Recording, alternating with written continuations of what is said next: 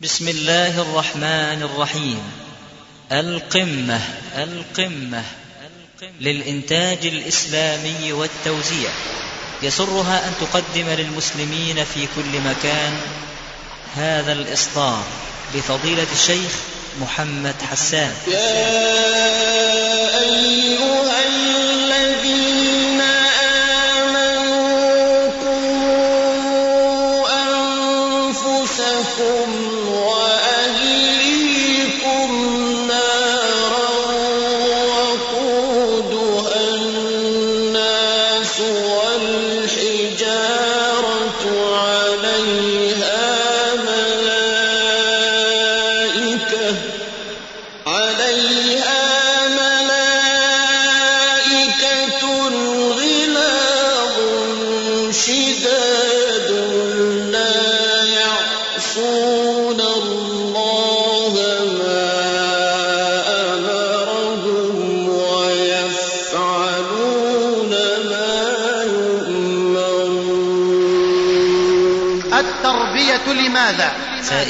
الله عز وجل أن ينفعنا بهذا العمل ويجعله خالصا لوجهه والآن إليك أخي الكريم الشريط الثالث السلام عليكم ورحمة الله وبركاته.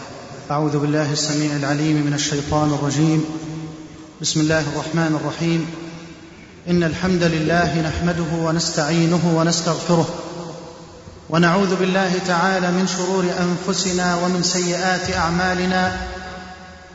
من يهده الله فلا مضل له ومن يضلل فلا هادي له وأشهد أن لا إله إلا الله وحده لا شريك له وأشهد أن محمدا عبده ورسوله وصفيه من خلقه وخليله أدى الأمانة وبلغ الرسالة ونصح الأمة وكشف الله به الغمة وجاهد في الله حق جهاده حتى أتاه اليقين.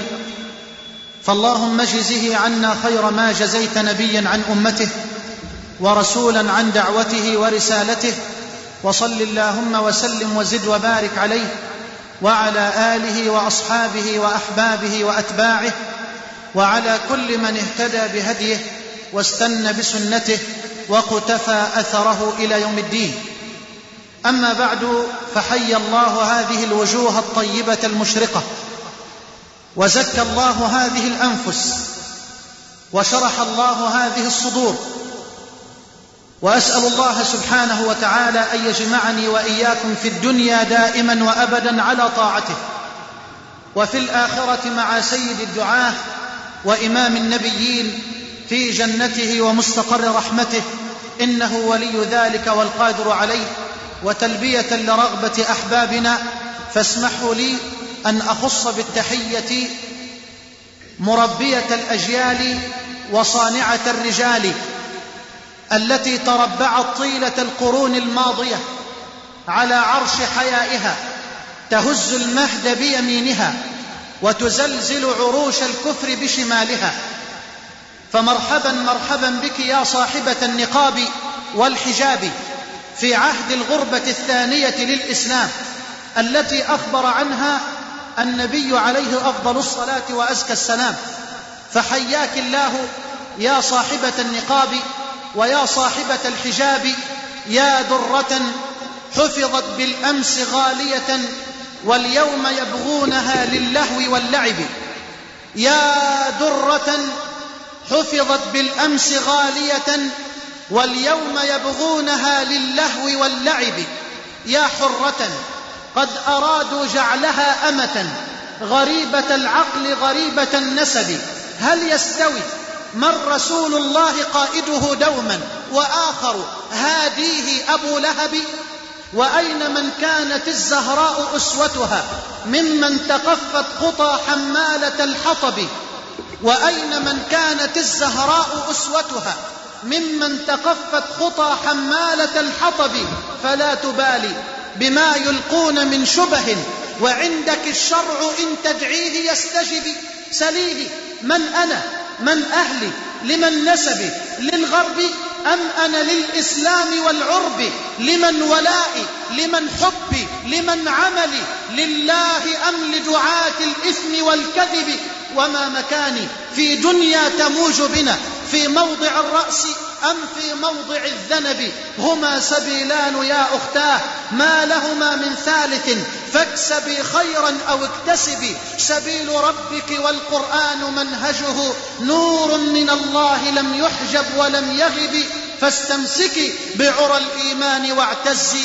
وصابري واصبري لله واحتسبي. حياكم الله جميعا. وطبتم وطاب ممشاكم. وتبوأتم منزلا من الجنة.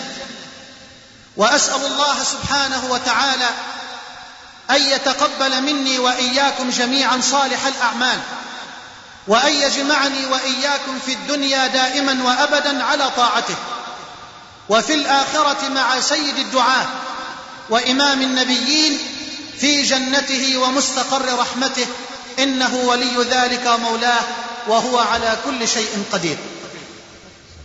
أيها الأحبة الكرام إننا الليلة على موعد مع هذه السلسلة المنهجية التي ابتدأناها مع حضراتكم في هذا المسجد الطيب المبارك والتي عنونا لها بهذا العنوان التربية لماذا؟ وهذا هو لقاؤنا الثالث. وأذكر أحبابي في عجالة سريعة بأهم عناصر اللقاءين الماضيين. أقول وبداية أعيرون القلوب والأسماع فإن المحاضرات المنهجية تحتاج إلى حسن متابعة وشدة تركيز حتى لا يشتكي الأحبة بعد المحاضرة من صعوبة الطرح. أسأل الله سبحانه أن يذلل لي ولكم الصعاب وأن ييسر لي ولكم الأسباب وأن يفتح علي وعليكم إنه الفتاح الوهاب. أيها الحبيب الكريم تكلمنا في المحاضرة الأولى عن أهم الأسباب التي دعتني لطرح هذا الموضوع الهام في هذه الأيام.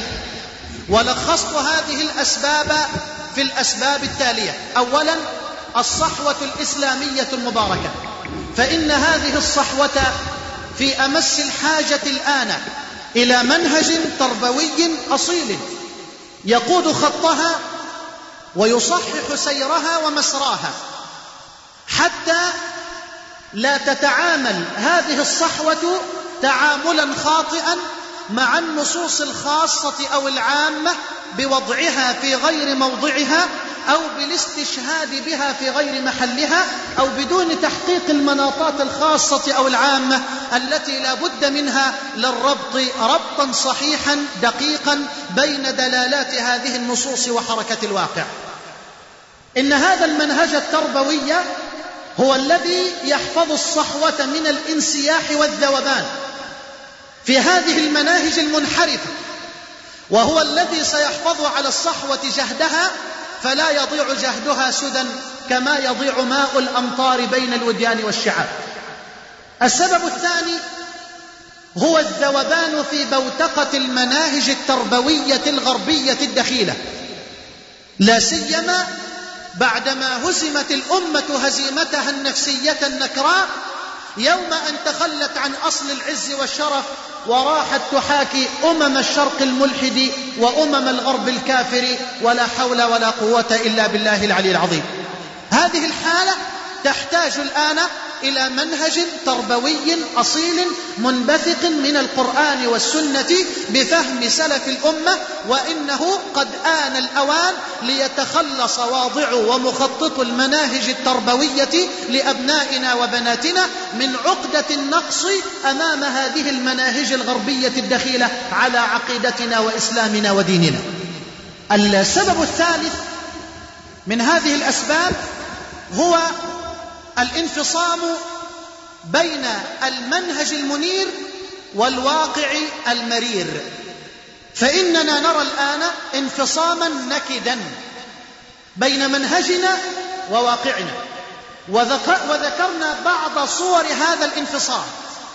في جانب العقيدة في جانب العبادة في جانب التشريع في جانب الاتباع في جانب الأخلاق والمعاملات والسلوك. ولا يتسع الوقت لتكرار هذه النقاط في عجال ثم تحدثت في الشق الثاني من المحاضرة الأولى في هذا المكان عن المصادر التي يجب على الأمة الآن أن تستقي منها منهجها التربوي الأصيل. وقلت بأن هذه المصادر هي القرآن الكريم فالقرآن هو كتاب التربية الأول ومصدر ومعين التربية الذي لا ينضب ولا ينتهي ولا يجف ووجب على الأمة الآن أن ترجع إلى كتاب تربيتها الأول وإلى مصدر تربيتها الأول إلى كتاب ربها جل وعلا وإلى سنة نبيها صلى الله عليه وآله وسلم. وللقرآن الكريم أسلوبه التربوي الفذ الفريد الذي يخاطب أعماق أعماق الوجدان ويحرك العواطف السليمة ويخاطب القلوب الحية والعقول النيرة. ومن ثم لم يتنزل القرآن دفعة واحدة بل نزل القرآن منجما مفرقا بحسب الحوادث والأحداث ليربي الصحابة وليربي الجيل القرآني الفريد على هذه التربية وعلى أسس هذا المنهج التربوي حسب الحاجات ووفق المتغيرات. أما المصدر الثاني فهو السنة. وقلنا بأن الذي يريد أن يفصل السنة عن القرآن فهو مضيع للقرآن والسنة معا وقد جمع النبي بين هذين الوحيين. في حديثه الذي رواه الحاكم في المستدرك وصححه الشيخ الألباني أنه صلى الله عليه وآله وسلم قال تركت فيكم شيئين إن تمسكتم بهما لم تضلوا بعدي أبدا كتاب الله وسنتي ولن يتفرقا حتى يردا علي الحوض. ولن يتفرقا حتى يردا علي الحوض. وفي الحديث الذي رواه ابن حبان وابن ماجة وصححه الشيخ الألباني من حديث المقدام بن معد يكرب أنه صلى الله عليه وآله وسلم قال ألا إني أوتيت الكتاب ومثله معه؟ ألا يوشك رجل شبعان متكئ على أريكته يقول عليكم بهذا القرآن فما وجدتم فيه من حلال فأحلوه وما وجدتم فيه من حرام فحرموه؟ ألا إنما حرم رسول الله كما حرم الله عز وجل. فالسنة هي المصدر الثاني من مصادر التربية ولا يجوز على الإطلاق أن نقتصر على القرآن دون السنة أبدا فإن السنة هي البيان التوضيحي والعملي لقرآن ربنا جل وعلا. بل إن شخصية الحبيب صلى الله عليه وآله وسلم بمفردها منهج تربوي متكامل. أما المصدر الثالث فهو منهج السلف. منهج سلف الأمة. لأن المنهج السلفي هو الذي يمثل التطبيق العملي للقرآن والسنة. وأكتفي بقولة عبد الله بن مسعود من كان مستنا فليستن بمن قد مات فإن الحي لا تؤمن عليه الفتنة. هذه هي مصادر التربية أيها الأحباب. ثم تكلمت في محاضرة الجمعية الشرعية عن خصائص المنهج التربوي. تكلمت عن خصائص التربية. وركزت الحديث في هذه الخصائص التالية. قلت إن أهم خصائص هذا المنهج التربوي هي أولا خاصية التكامل والشمول. ثانيا التوازن والاعتدال. ثالثا التميز والمفاصلة. وتكلمت في المحاضرة الماضية عن خاصية واحدة من هذه الخصائص ألا وهي التكامل والشمول. وقلت بأن التكامل والشمول صفة فريدة من صفات المنهج التربوي الإسلامي لماذا؟ لأنه منهج رباني من عند الله لا من صنع البشر إذ من المستحيل أن يصنع الإنسان لنفسه منهجا تربويا متكاملا شاملا لأن الإنسان محدود من ناحية الزمان ومن ناحية المكان ومحكوم بضعفه وجهله وشهواته ونزواته ورغباته ومن ثم إذا تحدى الإنسان المنهج الرباني وانطلق مستكبرا مستعليا مغرورا ليضع لنفسه هو منهجا تربويا متكاملا شاملا زعم يأتي هذا المنهج الإنساني الأرضي المنحرف قاصرا فإن قدم حلا لجزء غفل عن حلول أخرى وتراه في يقدم الحلول لصنف من الناس ولا يقدم الحل لصنف آخر وتراه صالحا لمكان دون مكان ولزمان دون زمان وهذه هي الحقيقة وهذا هو الحق وهذا هو العدل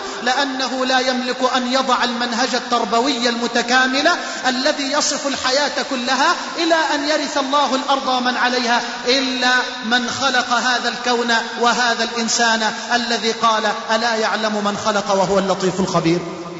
قدم المنهج الإسلامي تكاملا وشمولا لجميع جزئيات الحياة. في كل جوانب الحياة قدم المنهج التربوي الإسلامي تصورا ناصعا لكل هذه الجزئيات لأن الإسلام منهج حياة عقيدة وعبادة دين ودولة سيف وقلم دنيا وآخرة.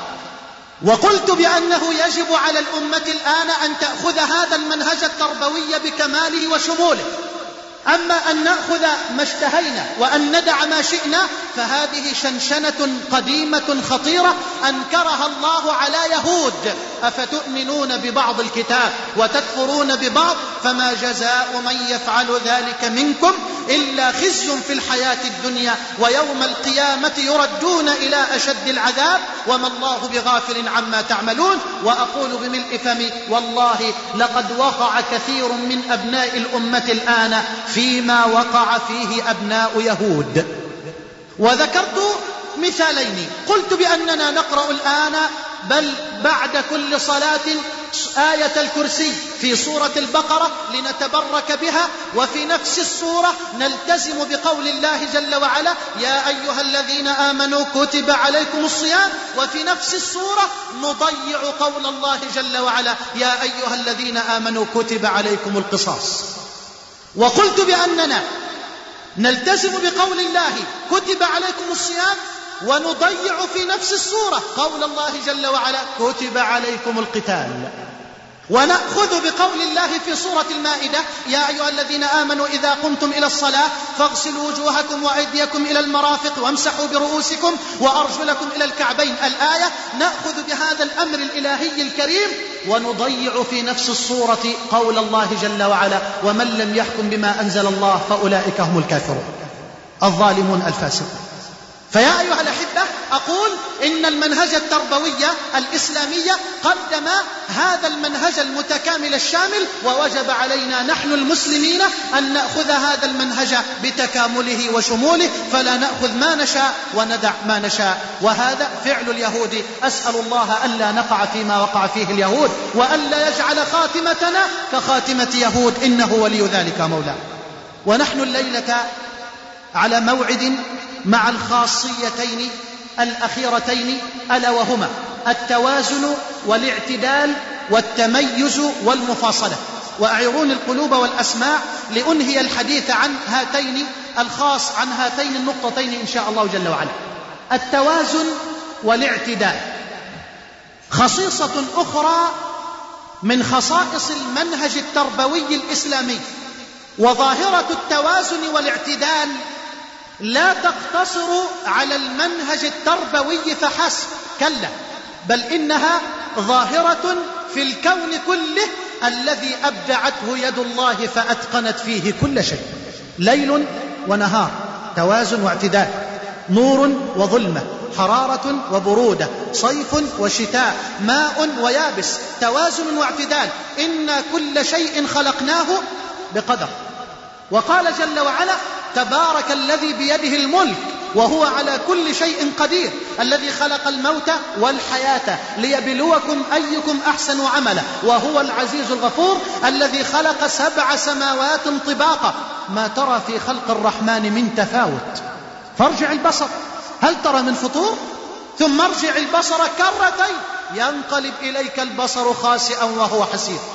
واقرأ قول الله جل وعلا سبحان الذي خلق الأزواج كلها مما تنبت الأرض ومن أنفسهم ومما لا يعلمون وآية لهم الليل نسلخ منه النهار فإذا هم مظلمون والشمس تجري لمستقر لها ذلك تقدير العزيز العليم والقمر قدرناه منازل أحدب وتربيع أول وتربيع ثاني وهلال وبدر إلى آخره والقمر قدرناه منازل حتى عاد كالعرجون القديم لا الشمس ينبغي لها أن تدرك القمر ولا الليل سابق النهار وكل في فلك يسبحون.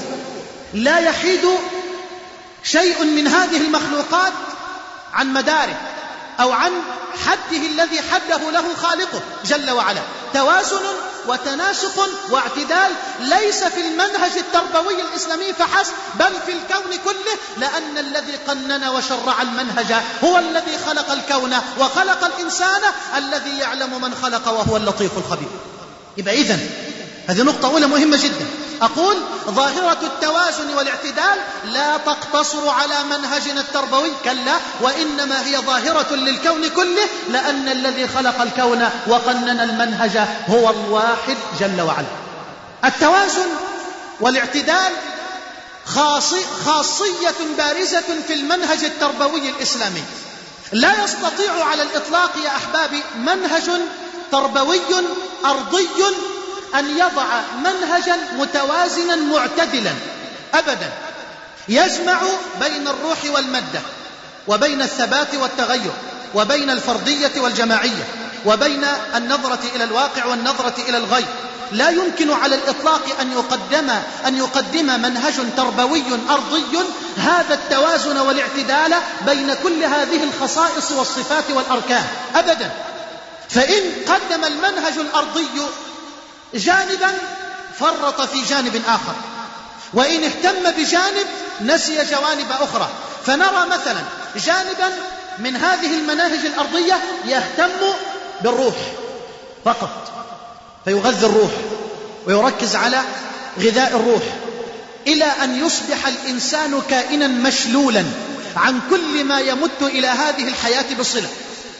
ونرى جانبا تربويا آخر من المناهج الأرضية المنحرفة يركز على جانب العقل فينفخ في العقل ويشبع العقل ويضع العقل فوق طاقته وقدراته وإمكانياته ومكانته التي ينبغي أن تكون إلى أن يصبح الإنسان كائنا مغرورا ينظر إلى هذا الكون كله من خلال هذا العقل القاصر.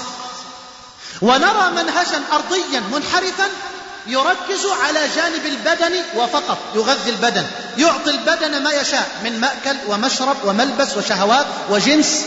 إلى غير ذلك إلى أن يصبح الإنسان بهيميا لا يعيش إلا من أجل شهواته ونزواته ورغباته لا يفكر في آخرة ولا يهتم بموت ولا يفكر في غاية ولا يسعى لهدف وإنما يعيش كالأنعام وهذا الحكم ليس من عندي حتى لا أتهم بسوء الأدب والتطرف وإنما هذا قول الله جل وعلا.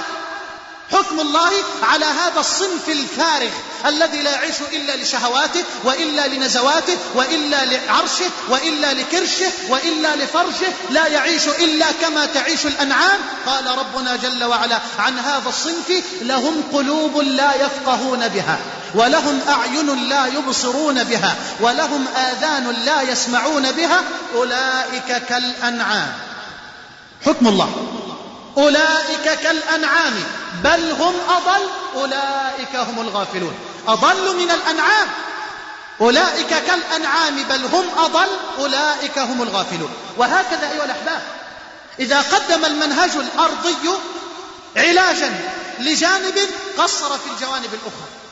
رأيت في أمريكا هذا الرجل الأمريكي الذي فجر الذرة وغاص في أعماق البحار. وانطلق بعيدا بعيدا في أجواء الفضاء وناطح السحاب بعماراته وفنادقه المذهلة وحول العالم كله إلى قرية صغيرة عن وسيل عن طريق هذه التقنية العلمية المذهلة في عالم الاتصالات والمواصلات.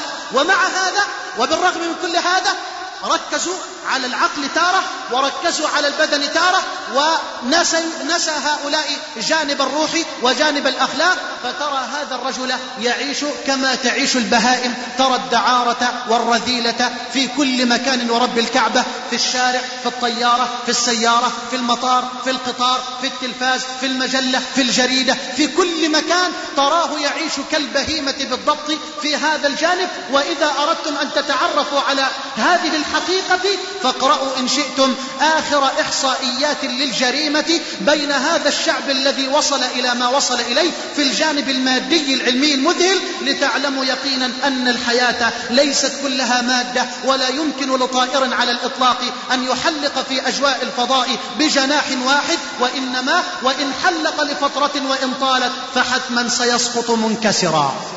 إن الحياة روح ومادة. دنيا وآخرة. ثم جاء المنهج الإسلامي ليقدم التوازن والاعتدال في أجلى وأجل صوره. توازن بين العقل والروح والجسم. توازن بين النظرة إلى الواقع والنظرة إلى الغيب. توازن بين الدين والدنيا. توازن بين رغبات الإنسان وأشواقه وما ينبغي عليه. توازن في كل أمور الحياة لأن الذي خلق الإنسان ويعلم ما يصلحه ويعلم ما يفسده هو الذي وضع له المنهج وهو الله رب العالمين. فجاء منهجنا التربوي الإسلامي متوازنا معتدلا في كل جزئيات وجوانب الحياة بلا استثناء. نعم أيها الأحباب. وسأضرب لحضراتكم مثالين اثنين لهذا التوازن والاعتدال. في جانبين فقط في جانب التوازن والاعتدال بين الروح والمادة أو بعبارة أخرى بين الدين والدنيا ومثال آخر لتوازن المنهج في التشريع. المثال الأول التوازن والاعتدال في أو بين الروح والمادة أو بين الدنيا والآخرة. إن المتتبع لصفحات تاريخ بني الإنسان يرى جماعات وأفرادا قد ركزوا على إشباع الجانب المادي في الإنسان وعلى إشباع الجانب المادي في هذه الحياة. على مستوى الأمم والجماعات مثلا كلكم يعرف قصة عاد وخبر ثمود وحال يهود. وعلى مستوى الأفراد كلكم يعلم قصة صاحب الجنتين الذي دخل منتفخا بثروته. لأن التركيز على الجانب المادي فقط فقط دون التركيز على الجانب الروحي يورث الترف. لا يعرف آخرة ولا يعرف ربا ولا يعرف دينا ولا يعرف موتا ولا يؤمن بعذاب قبر ولا بنعيم قبر وإنما لا يؤمن إلا بالكرسي الزائل ولا يؤمن إلا بالمنصب الفاني. إذا أتيت لتذكره بالله ولتذكره بالآخرة لن تجد أي تأثير لتذكيرك ولا لموعظتك. لأنه لا يعيش إلا لجانب واحد مات فيه الجانب الآخر منذ زمن. وأنت إذا ما ذكرته تريد أن تضرب على هذا الوتر الحساس لتذكر فيه الجانب الخير بالله جل وعلا. فإذا عاش الإنسان للدنيا ولشهوات بدنه يورثه هذا العيش ترفا وغرورا وكبرا واستعلاء وظلما وغطرسة وبطشا. هذا صاحب الجنتين يدخل بهذه الروح المستعلية ليقول لصاحبه أنا أكثر منك مالا وأعز نفرا. ودخل جنته وهو ظالم لنفسه. قال ما أظن أن تبيد هذه أبدا وما أظن الساعة قائمة. ولئن رددت إلى ربي لأجدن خيرا منها منقلب. روح الاستعلاء الغطرسة والغرور والكبر. وهذا هو على مستوى الأفراد أيضا قارون الذي بغى على قومه وعلى أهله. وقد آتاه الله من الكنوز ما إن مفاتحه لتنوء بالعصبة أولي القوة فبالرغم من ذلك نسي فضل الله عليه وعظمة الله عليه ونعم الله عليه وظن أن هذا المال وأن هذا الخير إنما هو بإدارته وبعلمه وبعقله وبفكره وبصبيانه وبأولاده وبجنوده ونسي أن الأمر كله لله وقال بروح هذه الاستعلاء بالروح الاستعلاء هذه إنما أوتيته على علم عندي. وهل هو فرعون. بنفس هذه الروح ما عاش إلا لهذا الجانب الدنيوي ومن خلاله استعبد قومه ونظر إليهم نظرة المتأله عليهم وقال يا قوم أليس لي ملك مصر؟ وهذه الأنهار تجري من تحتي انظروا كيف يخرجون من هذا الجانب المادي إلى هذا الجانب الآخر إلى أن يؤله الواحد منهم نفسه وأن يجعل هؤلاء عبيدا له. يا قوم أليس لي ملك مصر؟ وهذه الأنهار تجري من تحتي والحمد لله أجراها الله من فوقه. وطبعا عارفين اللي حصل لقارون واللي حصل لفرعون واللي حصل لكل الفراعين. فإن هذه سنة كونية ثابتة. أين الظالمون؟ وأين التابعون لهم في الغي؟ بل أين فرعون وهامان؟ أين من دوخوا الدنيا بسطوتهم وذكرهم في الورى ظلم وطغيان؟ هل أبقى الموت ذا عز لعزته؟ أو هل نجا منه بالسلطان إنسان؟ لا والذي خلق الأكوان من عدم الكل يفنى فلا إنس ولا جاه إذا يا إخوان التوازن والاعتدال. صنف من الناس عاش وركز على الجانب المادي في الإنسان وعلى الجانب المادي في الحياة. وفي مقابله نرى صنفا آخر ركز على جانب الروح ونظر إلى الجانب المادي في الإنسان على أنه رجس ونظر إلى هذا الجسد على أنه من الشيطان ونظر إلى الجانب المادي في هذه الحياة الدنيا على أنها من المحرمات فحرم على نفسه الطيبات وعاش للروح ليغذي الروح ابتدع رهبانية ما كتبها الله عليه وهؤلاء هم النصارى كما قال ربنا جل وعلا في قرآن. وبين هاتين النزعتين المتطرفتين أن النظرة المادية والنظرة الروحانية جاء الإسلام بتوازن واعتدال بين هاتين النزعتين وبين هاتين النظرتين. اسمع أيها الحبيب جاء الإسلام ليقول بأن هذا الإنسان خلق من طين وروح. ومن حكمة الله أن يخلق الله هذا الإنسان من هذين العنصرين. من الطين ومن الروح. فبعنصره الطيني إنما هو قادر على أن يسعى في هذه الأرض وعلى أن يعمرها وعلى أن يصلحها. أما إن كان فيه الجانب الروحي متيقظا أيضا فسيستغل هذه العمارة لطاعة الله وللقرب من مولاه جل وعلا. وقال سبحانه مبينا هذين أو هذا التركيب في قوله وإذ قال ربك للملائكة إني خالق بشرا من طين فإذا سويته ونفخت فيه من روحي فقعوا له ساجدين. جاء القرآن ليقول بأن الإنسان من طين ومن روح ومن حكمة الله أن يكون الإنسان كذلك. ثم جاء القرآن ليبين لنا أنه لا بد من العمل للدنيا في نفس الوقت لا بد من العمل للآخرة وألا يطغى جانب على حساب جانب. اسمع معي إلى هذه الآيات التي هي العمدة في هذه الجزئية. يقول ربنا جل وعلا يا أيها الذين آمنوا إذا نودي للصلاة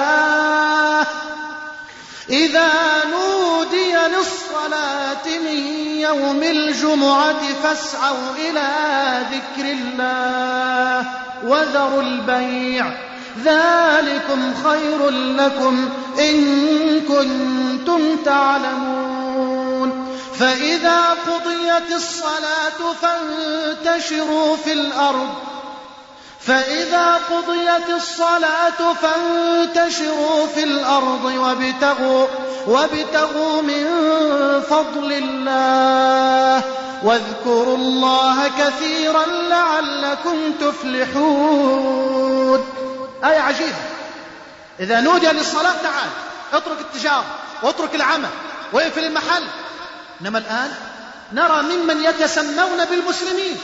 يسمع النداء من الله جل وعلا. حي على الصلاة حي على الفلاح وتراه بمنتهى البجاحة. ومنتهى اللا حياء وكأنه ما سمع شيئا. ولا مانع على الإطلاق أن يرفع صوته عليك بعد ذلك ليقول إنني مسلم. يسمع النداء وهو مضيع لحق الله. وبالرغم من ذلك قد تراه يتبجح عليك إذا ما ذكرته وهو يقول الله وأنا أصلي ليه؟ واللي وصلوا خدوا إيه؟ ما كل اللي وصلوا حرمي. إنا لله وإنا إليه راجعون. فإذا نودي عليك للصلاة اترك العمل اغلق المحل اترك التجارة اترك الأولاد اترك الزراعة اترك المنصب انزل من على الكرسي وهيا لتضع أنفك وجبينك في التراب ذلا لخالقك جل وعلا. صاحب الفضل والنعم عليك.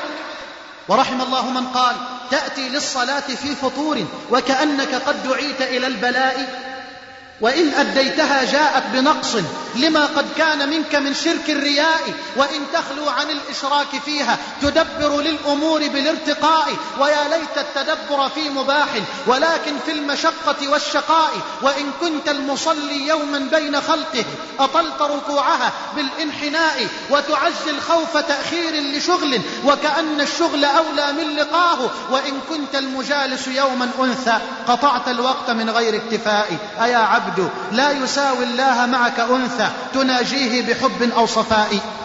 إنا لله وإنا إليه راجعون. اترك عملك واترك تجارتك واترك أولادك واترك مكتبك واترك كرسيك وإذا نودي عليك للصلاة فلب أمر الله جل وعلا وضع أنفك وجبينك على الأرض ذلا لخالقك ورازقك ومولاك سبحانه وتعالى.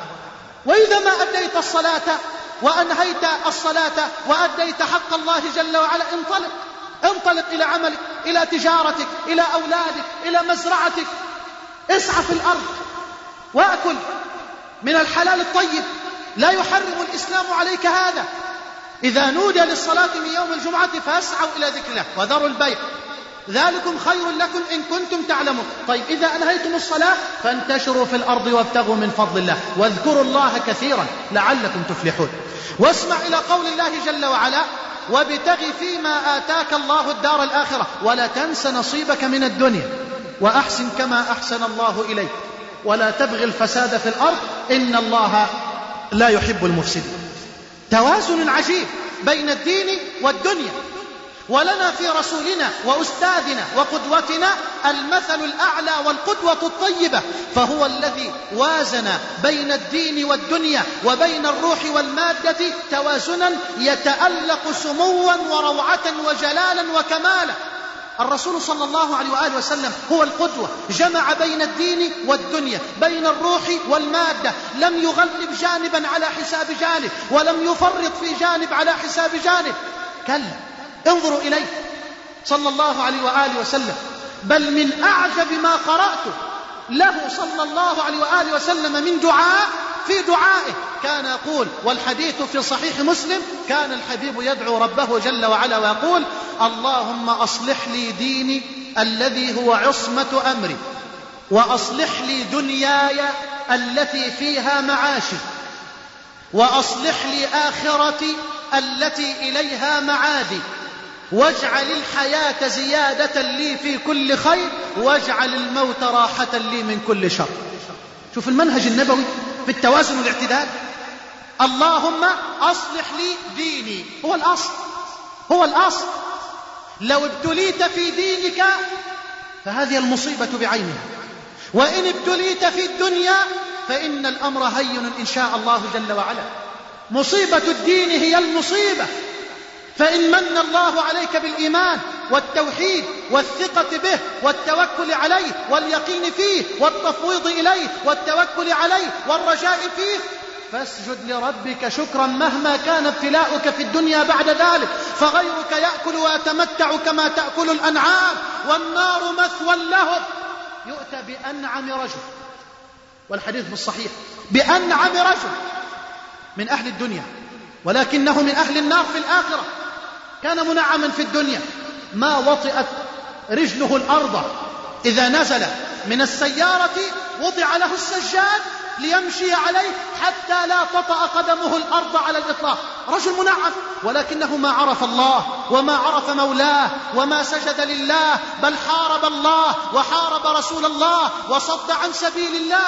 يؤتى هذا يوم القيامة ويغمسه الله غمسة واحدة في جهنم. ويخرجه ويقول له ها هل رأيت نعيما قط؟ فاكر الزلمكة خلاص نسى كل شيء الوقت بقت شبح أسأل الله أن يحفظنا وإياك. ها؟ ها فاكر ال خلاص نسى كل شيء نسى كل شيء.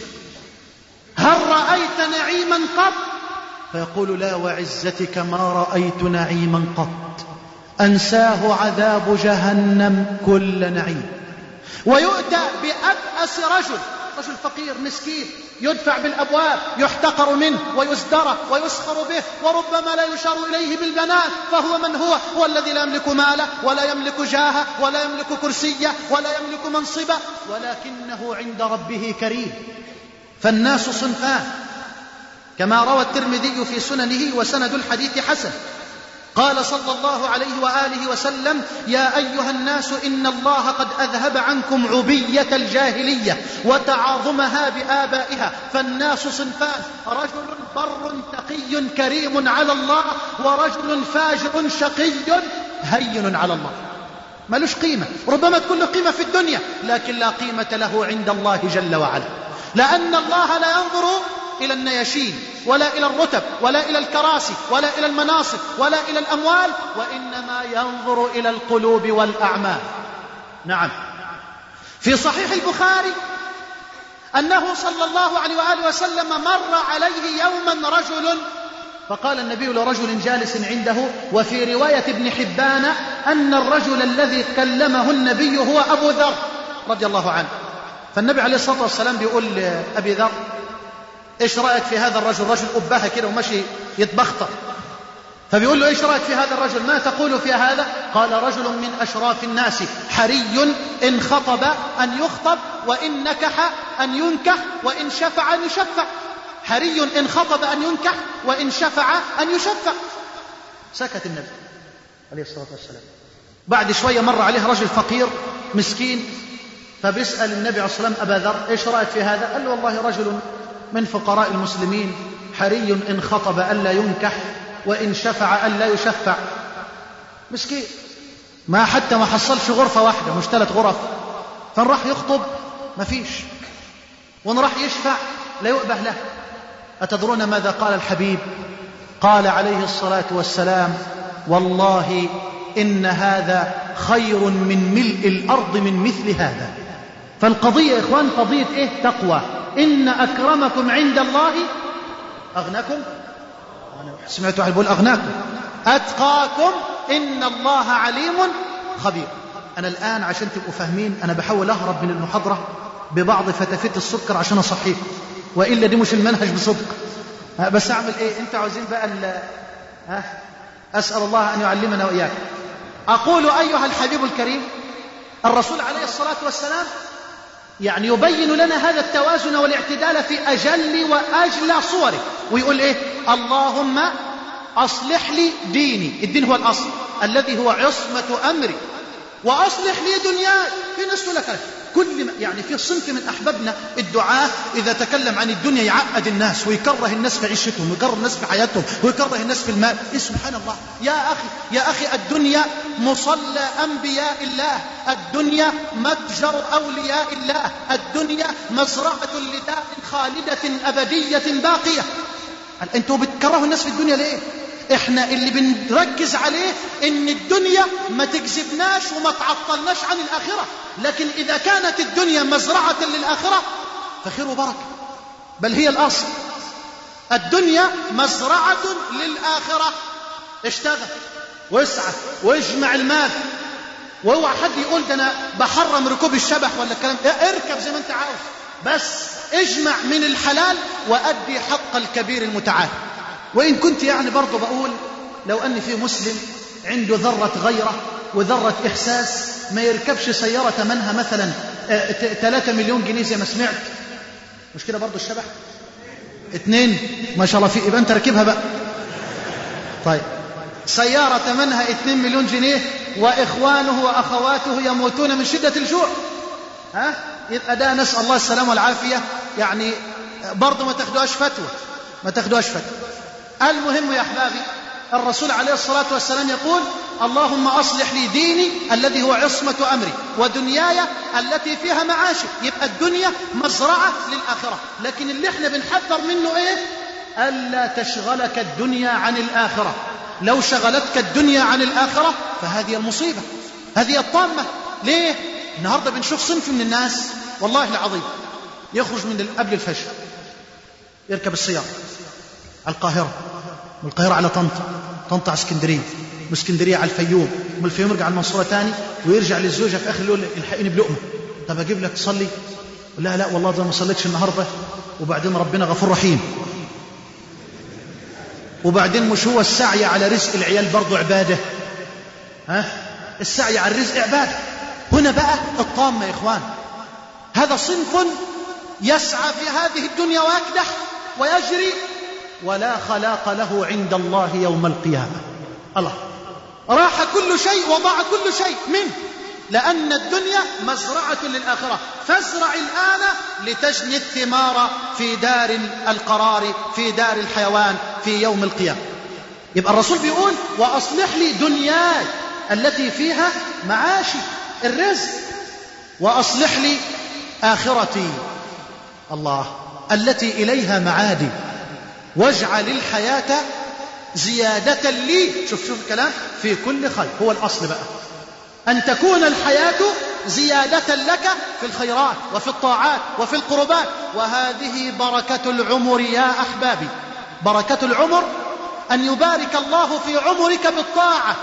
لأن رجل عمره مئة سنة وعمره غير مبارك. ورجل عمره خمسين سنة الشافعي يا أخي. الشافعي مات في 53 سنة. معاذ بن جبل إمام العلماء والحديث حسن إمام العلماء مات معاذ في الثالثة والثلاثين من عمره. أي عمر هذا؟ أي بركة؟ بالله عليك يا راجل يا شباب الصحوة معاذ بن جبل هذا الشاب الذي قال له النبي يوما عبارة والله كلما تذكرتها كاد حلقي أن يجف واقشعر بدني وقلبي ووقفت أمام هذا, هذا النيشان وأمام هذه العبارة وقفة إجلال وإعزاز وإكبار. النبي صلى الله عليه وآله وسلم بياخد معاذ بن جبل في يوم الآن كده من إيده ويقول له يا معاذ يقول نعم رسول الله يقول له والله إني لأحبك إيش هذا؟ ده النبي اللي بيقول مش معاذ اللي بيقول للنبي. الرسول بيقسم وبيقول لمعاذ هذا الشاب الصغير يا معاذ والله إني لأحبك ما هذا؟ كيف بلغ معاذ هذه المكانة ووصل إلى هذه المرتبة؟ وبالرغم من ذلك يتوفى معاذ في الثالثة والثلاثين من عمره. متى سطر على جبين الزمان وعلى صفحات الأيام هذا العز وهذا الشرف؟ متى؟ إنها بركة العمر. محمد صلى الله عليه وآله وسلم. كم عاش؟ وكم عمره في الدعوة إلى الله. سنوات لا تعد في حساب الزمن شيئا على الإطلاق. ولكن ربى أمة وأقام دولة أذلت الأكاسرة وأهانت القياصرة وغيرت مجرى التاريخ في فترة لا تساوي في حساب الزمن شيئا. إنها بركة العمر. وما من موحد إلى أن يرث الله الأرض ومن عليها إلا وهو في ميزان المصطفى يوم القيامة. وأصلح لي آخرتي التي إليها معادي. واجعل الحياة زيادة لي في كل خير. واجعل الموت راحة لي من كل شر. وكان صلى الله عليه وآله وسلم يكثر من ترداد هذا الدعاء القرآني الكريم. ربنا آتنا في الدنيا حسنة وفي الآخرة حسنة وقنا عذاب النار. شوف التوازن يا إخوان. توازن والاعتدال بين الروح والمادة بين الدين والدنيا بين الدنيا والآخرة. ربنا آتنا في الدنيا حسنة وفي الآخرة حسنة وقنا عذاب النار. ولذلك عاب النبي على هؤلاء الأخيار الذين جاءوا يوما يسألون عن عبادته فلما أخبروا عنها كأنهم تقالوها. والحديث رواه الشيخان من حديث أنس. جاء ثلاثة رهط إلى بيوت أزواج النبي صلى الله عليه وسلم يسألون عن عبادته فلما أخبروا عنها كأنهم تقالوها فقالوا وأين نحن من رسول الله؟ وقد غفر له ما تقدم من ذنبه وما تأخر. فقال أحدهم أما أنا أصوم الدهر أبدا. وقال الآخر أما أنا أصلي الليل أبدا. وقال الآخر وأما أنا فأعتزل النساء ولا أتزوج أبدا. فجاء النبي عليه الصلاة والسلام وقال أنتم الذين قلتم كذا وكذا؟ قالوا بلى يا رسول الله. قال أما والله إني لأخشاكم لله وأتقاكم له ولكني أصوم وأفطر وأقوم وأرقد وأتزوج النساء فمن رغب عن سنتي فليس مني. بالله عليكم. هل رأيتم توازنا واعتدالا؟ كهذا التوازن وهذا الاعتدال كلا. التوازن والاعتدال في أجمل صوره ومعانيه.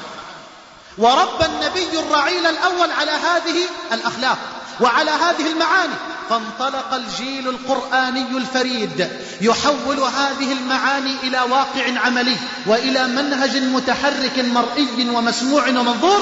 فترى الواحد منهم انتبه ترى الواحد منهم من هؤلاء الأخيار الأطهار إذا وقف خلف رسول الله صلى الله عليه وسلم في الصلاة بين يدي الله جل وعلا وقف خاشعا خاضعا متبتلا إلى الله يعايش آيات القرآن ويستمع إلى آيات القرآن بقلبه وبعقله وبجوارحه فإذا تلا النبي آيات الجنة أحس أحدهم أنه يرى الجنة ونعيمها وإذا تلا النبي آيات الترهيب أحس أحدهم أنه يرى الجحيم أو النار والعياذ, والعياذ بالله ولهيبها ووالله لولا جلال الصلاة لا انصرف أحدهم خوفا من هذه الآيات لما أنه بما أنه يعايشها ويسمعها بقلبه وعقله ووجدانه وجوارحه. هذا الرجل هذا الرجل هو نفسه البطل الذي يملك السيف في ساحة الوغى وميدان البطولة والشرف ويبحث بين برك الدماء وأكوام الأشلاء عن الشهادة في سبيل الله. هو هو نفسه التاجر الصادق الأمين في متجره الذي يزن ويبيع ويشتري. هو هو نفسه الأب الحنون الرحيم الكريم الذي يداعب أولاده. هو هو نفسه الزوج المتواضع الوفي لزوجته. الحمد لله وصلى الله وسلم وبارك على نبينا محمد وعلى آله وصحبه وسلم. أيها الأحبة أقول وبهذا التوازن والاعتدال عاش أصحاب النبي عليه الصلاة والسلام. فكانوا إذا ما وقفوا في العبادة وانشغلوا بها كانوا على يقين أنهم ما انقطعوا عن الآخرة. وكانوا إذا انشغلوا بالدنيا وبالمتاجر والأعمال كانوا أيضا على يقين أنهم ما انشغلوا عن الآخرة. عاشوا بهذا التوازن والاعتدال في جانب الدنيا وجانب الآخرة. أعطوا الروح وأعطوا البدن. هذا التوازن والاعتدال سمة مميزة لهذا الدين. لا إفراط ولا تفريط. لا في جانب الروح ولا في جانب المادة. لا غلو ولا تقصير. وإنما توازن واعتدال. هذا في جانب الروح والمادة أو الدنيا والدين. أيضا بإيجاز. أحدثكم عن التوازن والاعتدال في التشريع نفسه. فالمنهج التربوي الإسلامي يا إخواني منهج متوازن معتدل بين التحليل والتحريم بين التحريم الذي أفرطت فيه اليهودية وبين الإباحة التي أفرطت فيها النصرانية. فاليهودية أسرفت في التحريم. كما قال الله عز وجل فبظلم من الذين هادوا حرمنا عليهم طيبات أحلت لهم. حرمت عليهم طيبات. منهم. ربنا سبحانه وتعالى قال لهم اذبحوا بقر. خلاص ما تروح تذبح بقرة وخلاص. شكلها إيه؟ ولونها إيه؟ وأوصافها إيه؟ وسنها إيه؟ وبتاكل إيه؟ الله فشددوا على أنفسهم فشدد الله عليهم. فأسرفوا في التحريم فزاد عليهم ما حرم جاءت النصرانية أفرطت في الإباحة وأحلت أشياء حرمتها التوراة مع أن الإنجيل قد أقر بأن المسيح عليه السلام ما جاء لينقض التوراة بل ليكملها وليتمها. فجاء الإسلام بمنهجه التربوي ليضع التوازن والاعتدال في الحل والحرم وجعل هذا الحق لله وحده ولرسوله صلى الله عليه وسلم حق التحليل والتحريم ليس من حق أحد لا من حق فرد ولا من حق مجلس ولا من حق هيئة ولا من حق برلمان بل ولا من حق دولة وإنما التحليل والتحريم حق لله ولرسوله صلى الله عليه وآله وسلم. ولا مانع أن يأتي ولي الأمر المسلم ليقنن أمورا من خلال هذه القواعد الكلية والأصول الشرعية من القرآن والسنة. ويتجلى التوازن والاعتدال في جانب التشريع في أن الله عز وجل ما أحل إلا الطيب النافع وما حرم إلا الخبيث الدار وما أمر عباده إلا بما هم قادرون على آدائه وفعله. مصداقا لقوله لا يكلف الله نفسا إلا وسعها. يبقى الأوامر والنواهي في نطاق المكلفين. خلي بالك إن الناس فاهمة الآية على عكس المراد. ما بتصليش ليه؟ يقول لك يا أخي لا يكلف الله نفسا إلا وسعها. ما بتزكيش ليه؟ يقول لك لا يكلف الله نفسا إلا وسعها. واللي يعز البيت يحرم على الجامع. رواه إبليس ابن إبليس. وهكذا. زوجتك متبرجة ليه؟ يقول لك والله لا يكلف الله نفسا إلا ما أتاها. هنا بقى مفتي. في دي مفتي. سبحان الله. وهكذا. لا يا أخي الحبيب. لا. ليس هذا هو المعنى. وإنما المعنى أن الله جل وعلا ما أمر بأمر وما نهى بنهي وما حد حدا إلا وهو في مقدور وطاقة المكلفين لأنه جل وعلا قال لا يكلف الله نفسا إلا وسعها لا يكلف الله نفسا إلا ما آتاها. ويوضح هذا الحكم هذا الحديث الكريم الذي رواه البخاري ومسلم من حديث أبي هريرة أنه صلى الله عليه وآله وسلم قال ما نهيتكم عنه فاجتنبوه. خلاص. أصبحت عقيدة الولاء والبراء باهتة في القلوب. هذا مع حسن ظني هذا مع إحسان الظن. فأنا الآن أعتقد أو أفترض أن عقيدة الولاء والبراء موجودة لكنها بهتت لم يعد هناك تميز ولا مفاصلة. فالتميز والمفاصلة من خصائص المنهج الإسلامي. المنهج التربوي الإسلامي يصيغ أو يصيغ المسلم صياغة عقدية عبادية تشريعية أخلاقية سلوكية. لا يمكن على الإطلاق أن تلتقي مع أي منهج أرضي آخر. بل وعاش المسلم الأول بهذا المنهج التربوي بصفة التميز والمفاصلة حتى بين أظهر المشركين والمنافقين. في الثياب في الكلام في الطعام في الشراب في الكلام في المعاملة في الأخلاق في السلوك فضلا عن الاعتقاد والتعبد لله جل وعلا. المسلم متميز في كل شيء. نعم يجب أن يعرف المسلم قدره ويجب أن يعرف المسلم شأنه. فهو كريم عزيز بتوحيده واتباعه لله ولسنة رسول الله صلى الله عليه وآله وسلم. وهو مهان ذليل إن تخلى عن هذا المنهج الرباني القرآني النبوي. لا قيمة له. فإننا لا نفخر بأنساب ولا بعصبيات ولا بقوميات ولا برايات ولا بمصالح ولا بمغانم وإنما نردد مع سلمان أبي الإسلام لا أب لي سواه إذا افتخروا بقيس أو تميم. فالمسلم عزيز بهذا النسب ذليل إن ترك وقطع حبل هذا النسب. المنهج الإسلامي منهج متميز منهج متفاصل مفاصل أو آه، مخالف لكل المناهج المحرفة المزورة ويجب على المسلم أن يكون متميزا وأن يكون مباينا لكل هذه المناهج الأرضية المحرفة المزورة الكافرة التي تعادي منهج الله جل وعلا. وأختم بهذا المشهد فإن الموضوع هذا موضوع طويل وأقول هاجر النبي من مكة إلى المدينة. كلكم عارفين أنه كان مستضعفا وطرد من بيته ومن أهله ومن ماله ومن ولده وهاجر إلى المدينة فآووه ونصروه رضوان الله عليهم جميعا.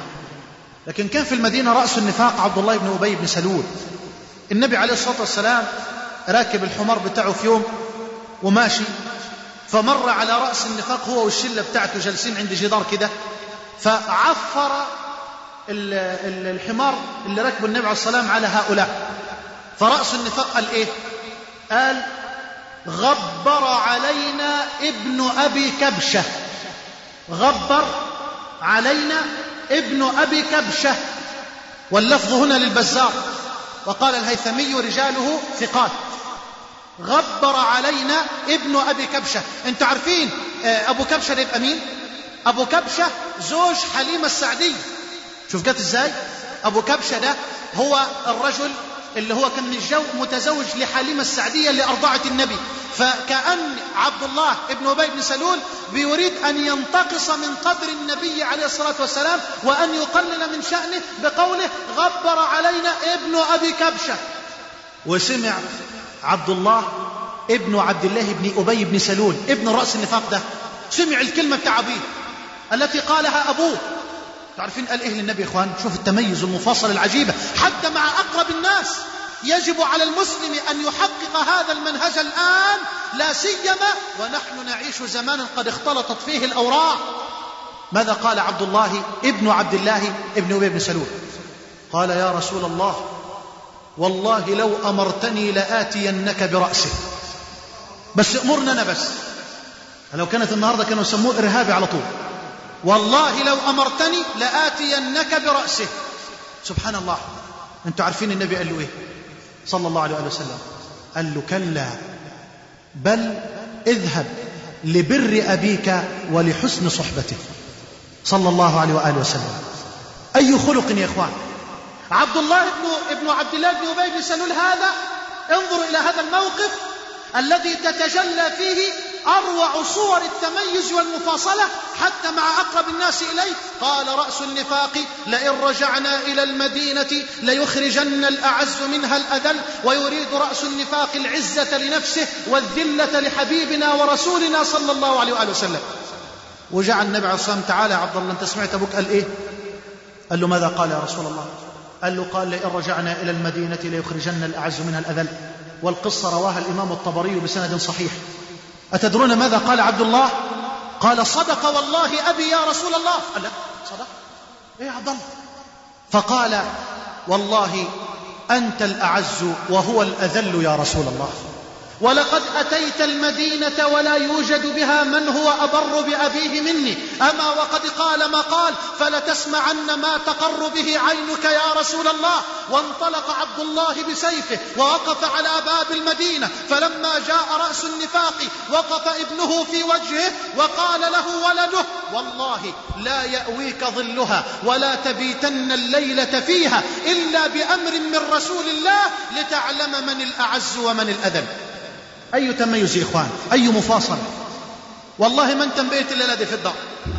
إلا بأمر من النبي صلى الله عليه وسلم. عشان تبقى تعرف مين الذليل ومين العزيز. الرجل صرخ بهت. وقال يا للخزرج حوشم ولدي يمنعني بيتي. وذهبوا إلى نهر الرحمة وينبوع الحنان صلى الله عليه وسلم إلى صاحب الخلق وأخبروه فأمرهم النبي أن يقولوا له فليأذن لأبيه. فلما جاءه الأمر من رسول الله نظر إلى والده وقال أما وقد جاءك الإذن الآن فلتدخل لتعلم من العزيز ومن الذليل أيها الأحبة الموضوع طويل ومرير بقدر بعدنا عن هذا المنهج المنير هذه بعض خصائص المنهج التربوي. التكامل والشمول والتوازن والاعتدال والتميز والمفاصلة. أسأل الله جل وعلا أن يوفقني وإياكم للعودة إلى هذا المنهج الرباني الكريم إلى كتاب ربنا وسنة نبينا بفهم سلفنا رضوان الله عليهم. وأسأل الله أن يقر أعيننا وإياكم بنصرة الإسلام وعز الموحدين وأن يتقبل منا وإياكم صالح الأعمال. وصلى الله على نبينا محمد وعلى آله وصحبه وسلم. وأقم الصلاة.